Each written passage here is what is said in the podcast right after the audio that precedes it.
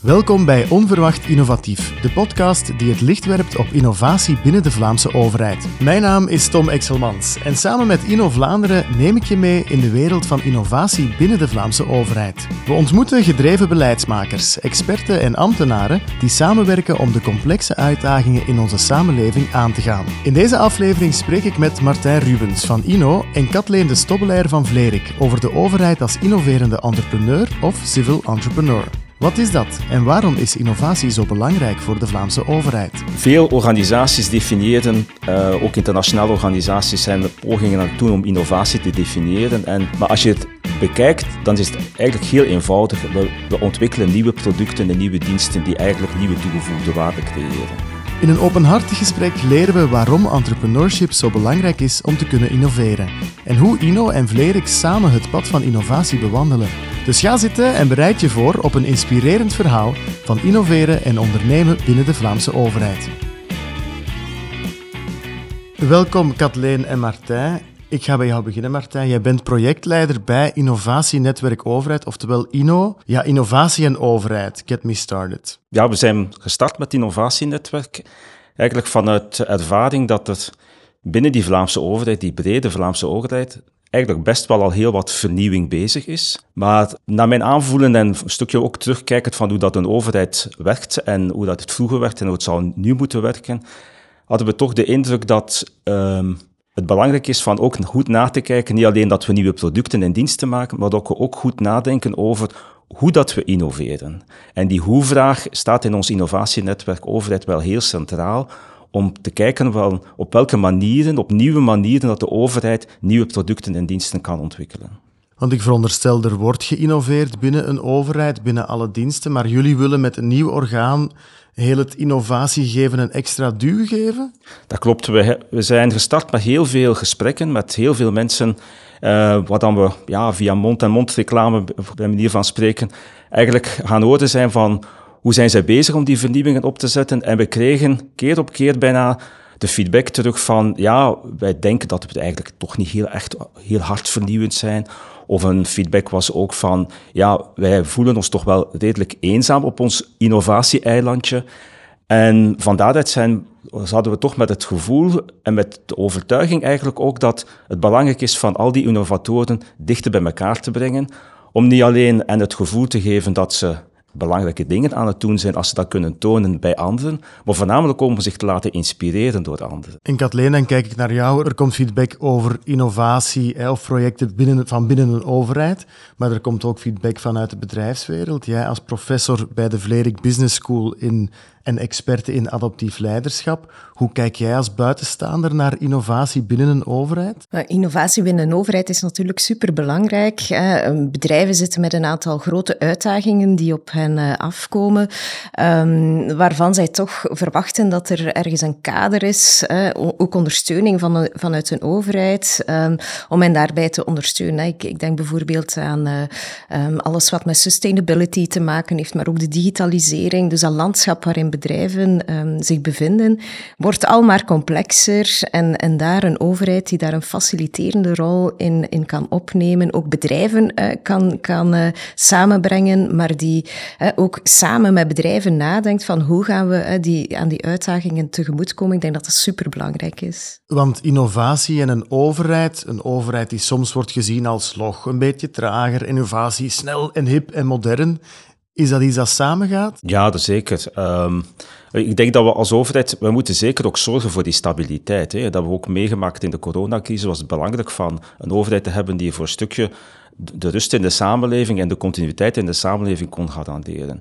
Maar op zich, op zo'n momenten ook, moet die overheid heel veel krachtig kunnen zijn. Want en om niet terug te vallen in van ja, dit is nu eenmaal de regelgeving die we nu hebben en de procedures die we nu hebben, maar als die ineens die crisissituatie komt, moeten we niet alleen zorgen voor die stabiliteit, maar ook moeten we zorgen om te zien dat we voldoende soepel zijn in de manieren, om de manier dat we werken, om dat aan te passen, zodanig dat de burger, die bedrijven eigenlijk nog altijd een ding kunnen doen in die crisissituatie. Het is altijd een beetje een paradox, hè? want eh, uiteraard kijken we ook naar een overheid. Hè? Zij, zijn, uh, moeten een goede huisvader of een goede huismoeder zijn voor uh, onze belastingsgelden. Dus dat is een beetje een paradox. Hè? Dat, dat zorgt ervoor dat we misschien ook van een, een, overheid verwachten dat ze daar een stukje conservatief mee omgaan.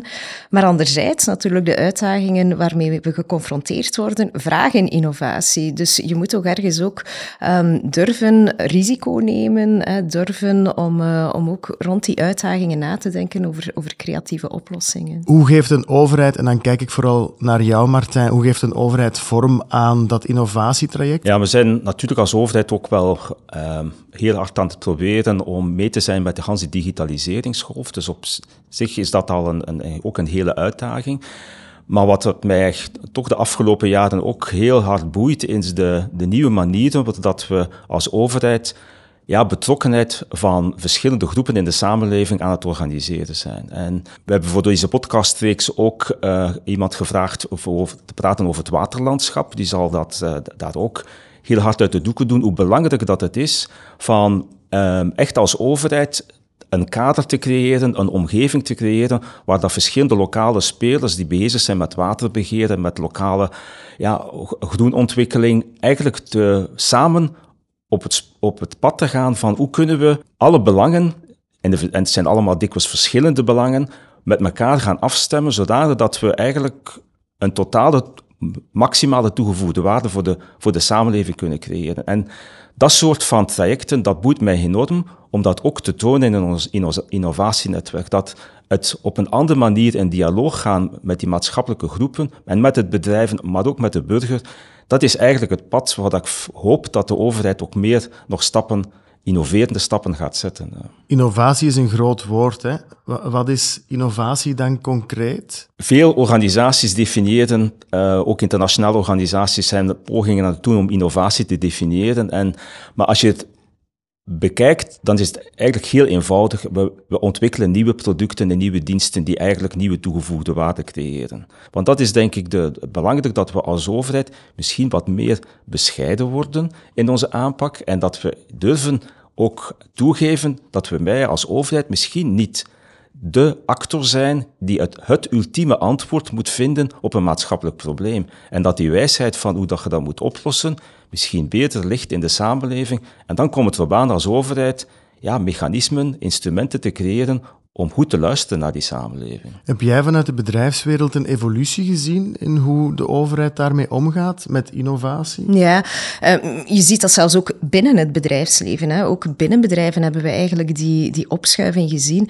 waarin in het verleden ook, ook bedrijven, hè, bijvoorbeeld ik denk aan de farmaceutische wereld, wanneer zij aan productontwikkeling deden, dan, dan uh, waren dat effectief. Hè. Dat, dat, bestaat nog steeds, maar een aantal onderzoekers die in een labo zaten na te denken van ah, welke moleculen moleculen kunnen we hier aan elkaar gaan linken. Terwijl vandaag zie je ook in die farmawereld hè, veel meer die dialoog met patiënten. En eigenlijk lijkt het mij maar logisch uh, dat, dat dat ook binnen een overheid gebeurt. Hè, dat je echt in dialoog gaat met je stakeholders. En bij een overheid zijn dat er natuurlijk heel veel, hè, die, die stakeholders. Uh, dat is bij wijze van spreken ieder burger, ieder bedrijf uh, kan, een, kan potentieel een stakeholder zijn wanneer je aan vernieuwing denkt. De uitdagingen worden al maar groter, maar de middelen worden altijd beperkter.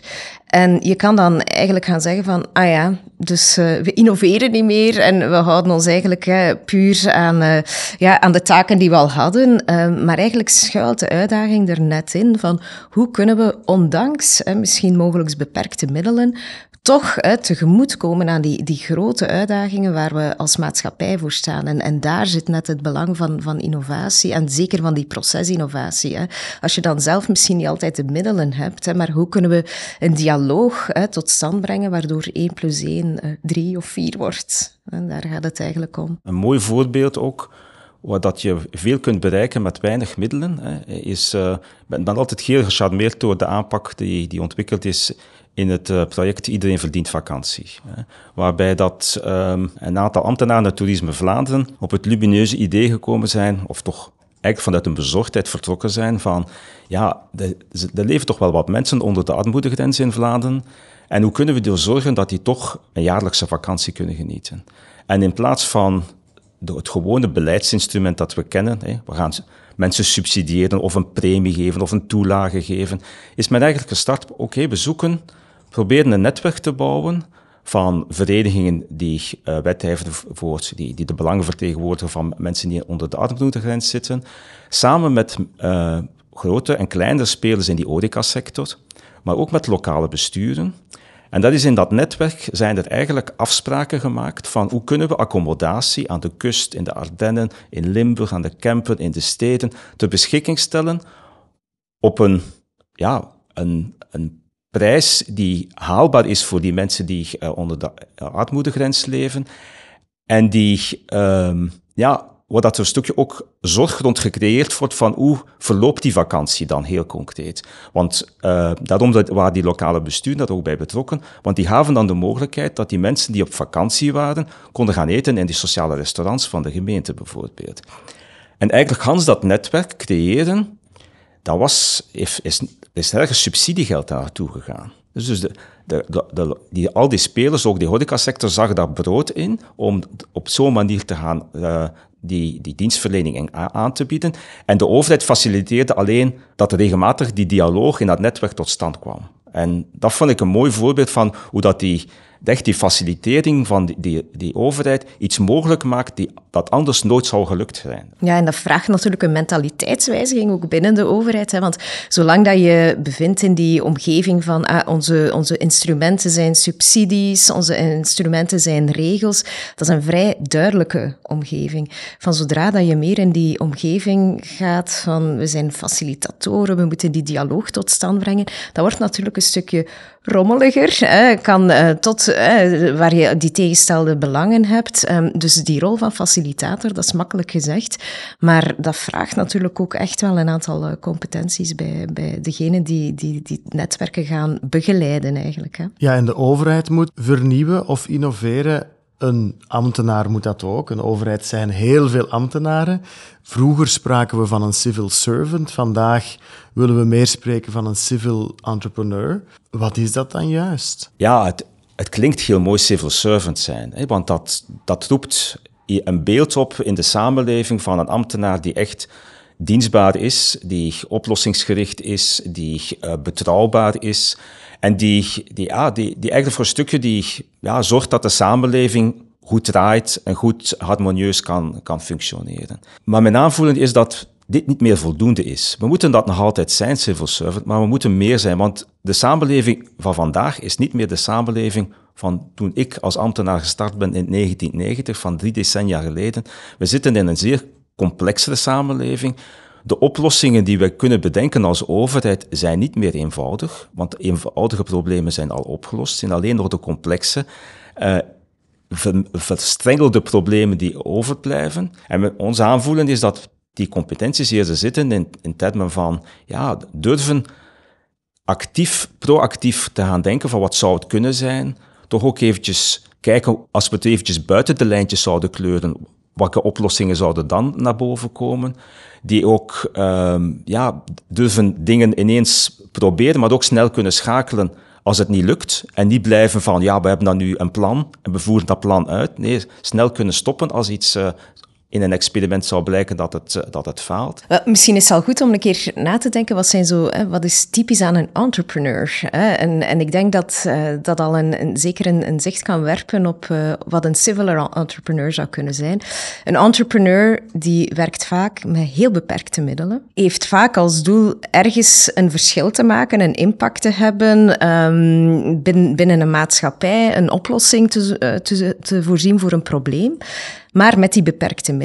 En wat zij vaak doen, en dat is, dat is heel typisch, denk ik, voor entrepreneurs, is eigenlijk berekende risico's nemen. Hè? Um, dus risico's nemen en zeggen van, kijk, de kans op slagen is misschien klein, beperkt, maar als ik slaag, dan is mijn impact zoveel groter. Hè? Is dat belangrijk dat een ambtenaar meestapt in een verhaal van ondernemerschap, creatief zijn met de uitdagingen die ze krijgen? Persoonlijk denk ik dat het heel belangrijk is, omdat het is juist die context die dat vraagt, die context van die nieuwe samenleving die dat vraagt van ons als ambtenaar, om vanuit de wetenschap dat de oplossingen die we willen bedenken als overheid, die liggen misschien meer voor het grijpen bij bedrijven en bij organisaties En eerst is eerder in die dialoog dat we die kunnen vinden.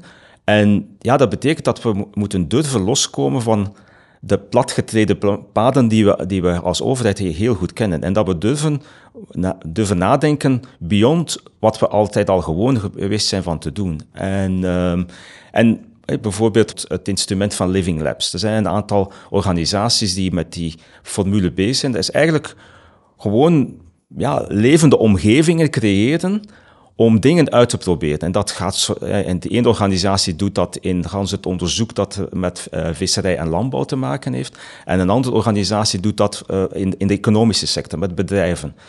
En telkens is de, dezelfde uh, houding is er dan dat zo'n living lab is van, we weten eigenlijk nog niet wat we echt gaan ontwikkelen. Maar we zitten wel bij elkaar voor een bepaald maatschappelijk probleem waar we over eens zijn dat we dat willen oplossen. En we gaan gewoon proberen. We gaan gewoon dingen uitproberen gedurende een jaar, gedurende anderhalf jaar. En dan zien wat het oplevert. En misschien zit daar, komt daar iets uit dat niet lukt. Maar evengoed kan er iets uitkomen dat wel lukt. En dan kijken we, kunnen we dat verder opschalen. En het is die manier van werken dat denk ik dat het, het, het, wenselijke pad is dat de overheid nu ingaat. Een netwerk van innoverende mensen is belangrijk. De Vlaamse overheid werkt ook regelmatig samen met innoverende partners uit de private sector, zowel bedrijven als middenveldorganisaties. Waarom is dat zo belangrijk dat die samenwerking fris blijft? Omdat die, die vernieuwing die ontstaat eigenlijk ook in die dialoog. Hè. En, en het, is, het is juist door uh, van echt het gesprek aan te gaan en dingen samen te, uit te proberen, dat we over een stukje meer vertrouwen naar elkaar toe krijgen. Hè? Want uh, we spreken niet over bedrijfsleven, maar bijvoorbeeld Hans de middenveldorganisaties, daar is uit de gesprekken die ik, ik heb, krijg je toch wel de verrassende feedback dat sommige middenveldorganisaties het belangrijk vinden om dingen te kunnen doen zonder de overheid. Omdat zij voor een stukje dat beeld in zich hebben dat die overheid een subsidierende overheid is en dus ook een controlerende overheid is. Terwijl dat ik eigenlijk met pen voor stuk moet inpraten van nee, we kunnen, als overheid kunnen we het ook anders doen. We hoeven niet direct alleen maar de geldschieter te zijn en dus de controleur te zijn, maar we kunnen ook met jullie in dialoog samen, we hebben een stuk competenties, we hebben, kunnen een stuk dingen faciliteren. En dan begint het, het gesprek al wat rustiger te worden. En het is eigenlijk door in heel concrete situaties dergelijke samenwerkingsverbanden op te zetten, ja, dat die, ja, die, die beelden, die uh, vooroordelen ook, die er staan, en dat is ook vanuit de overheid naar de samenleving, naar de bedrijven toe en naar, we denken ook naar de bedrijven als overheid dat, dit, dat ze altijd ons willen een hak zetten omdat ze zoveel, mogelijk winst willen maken.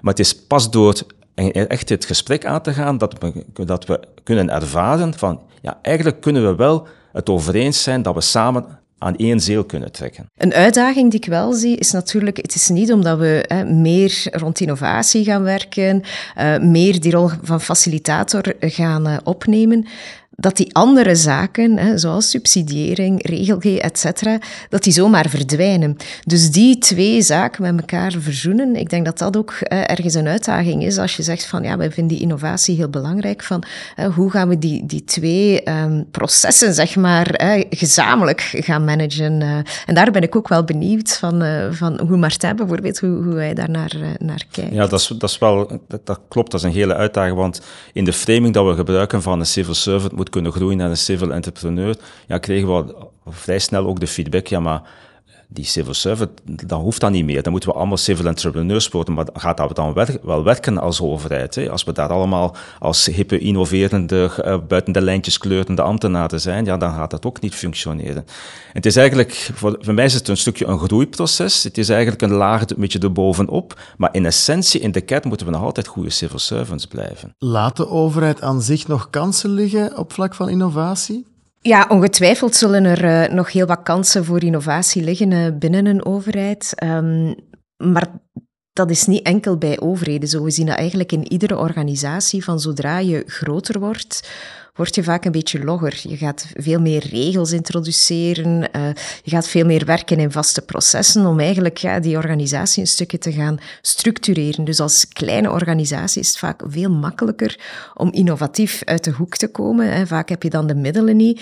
Maar als grote organisatie heb je vaak misschien wel de middelen, um, maar word je een beetje afgeremd door alle processen die je hebt ge geïntroduceerd. Dus in die zin uh, ja, is er nog heel wat potentieel binnen een overheid, net zoals in heel wat uh, grote organisaties. De overheid kan over het muurtje kijken bij bedrijven en organisaties, maar als we andersom kijken, wat kunnen organisaties en bedrijven nog leren van innovatie binnen de overheid? Ik denk heel veel. Hè. Ik denk wat heel typerend is, hoop ik toch, dan toch voor een, eh, een overheid, is dat zij veel meer op, op die lange termijn uh, gaan denken. Um, en ik denk daar dat toch heel wat organisaties toch van kwartaal naar kwartaal uh, kijken. dus dat vind ik wel een hele belangrijke. Um, ook um, nadenken over niet enkel wat is de, de financiële impact van onze beslissingen, maar wat is ook de maatschappelijke impact van de beslissingen. We zien dat dat bewustzijn wel begint te ontstaan, maar we komen toch uit een, een tijdperk uh, waar organisaties daar veel minder uh, mee bezig waren. Vandaag zien we natuurlijk heel wat regelgeving die ervoor zorgt dat bedrijf daar meer moet bij stilstaan, dat die duurzaamheid dat ook een olympisch minimum wordt. Um, maar ik denk dat, dat dat toch zaken zijn die binnen een overheid al veel langer bon ton zijn, waar, waar al veel langer mensen daarover spreken. Ehm, dus ik denk dat dat zijn zo twee zaken die, die onmiddellijk bij mij opkomen. Ja, het is belangrijk dat we meegaan met die, met die evolutie van hoe dat mensen, jonge mensen naar, naar het arbeidsmarkt komen. En dan moeten we ook nadenken van um, hoe kunnen we als overheid daar een antwoord op geven.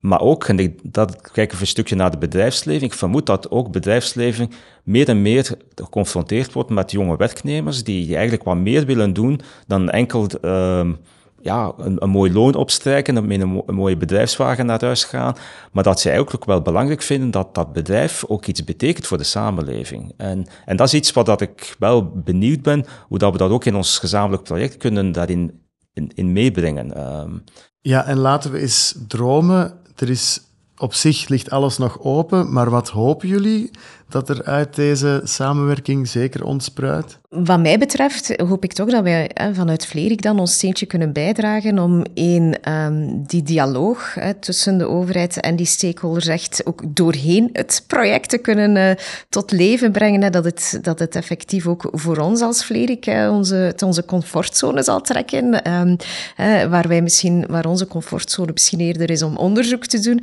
maar dat we ook dankzij dit project uh, net de boer op gaan, zoals Martijn dat zou noemen. Um, en die dialoog tot stand uh, gaan brengen. Dus, dus dat hoop ik toch uh, absoluut. En twee, dat we ook impact hebben.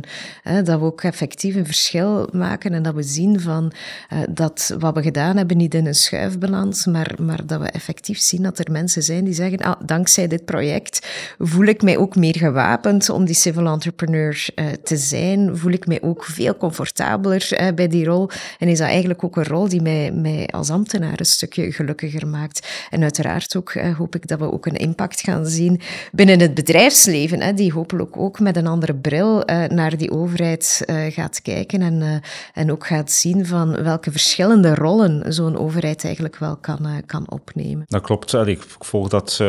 en mijn droom daaromtrent is ook dat we dat begrip van civil entrepreneurs toch wel op zodanige manier kunnen framen dat dit, ja, zoals ik net ook zei, wat enthousiasme kan losweken bij, bij ambtenaren, dat de aan aantrekkingskracht als werkgever, eh, dat de overheid ook is, dat dat ook daardoor gestimuleerd wordt. Dat mensen ook solliciteren voor vacatures bij de overheid, omdat ze civil entrepreneur willen worden. Hè. Hoe zou het niet leuk zijn dat mensen dat zien uh, en, als, als een mooie vlag zien waar dat ze willen achterlopen van uh, daar, daar willen we voor kiezen. want dat hebben we toch wel nodig, dat dat enthousiasme binnen die overheid. We worden dikwijls als overheid vanuit de samenleving nogal gebest om, om, om, omwille van verschillende redenen.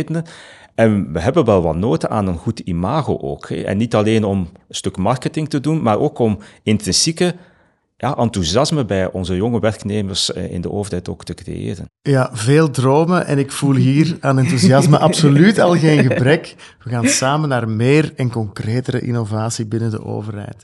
Dank u wel, Kathleen en Martijn, voor dit hele fijne gesprek. Ja, graag gedaan. Ja, bedankt. Dit was Onverwacht Innovatief. Bedankt om te luisteren. Heeft deze aflevering je geprikkeld of ben je zelf geïnspireerd om te innoveren? Beluister dan zeker ook onze andere afleveringen. Je vindt ze op vlaanderen.be slash innovatienetwerk-overheid of via jouw favoriete podcast-app.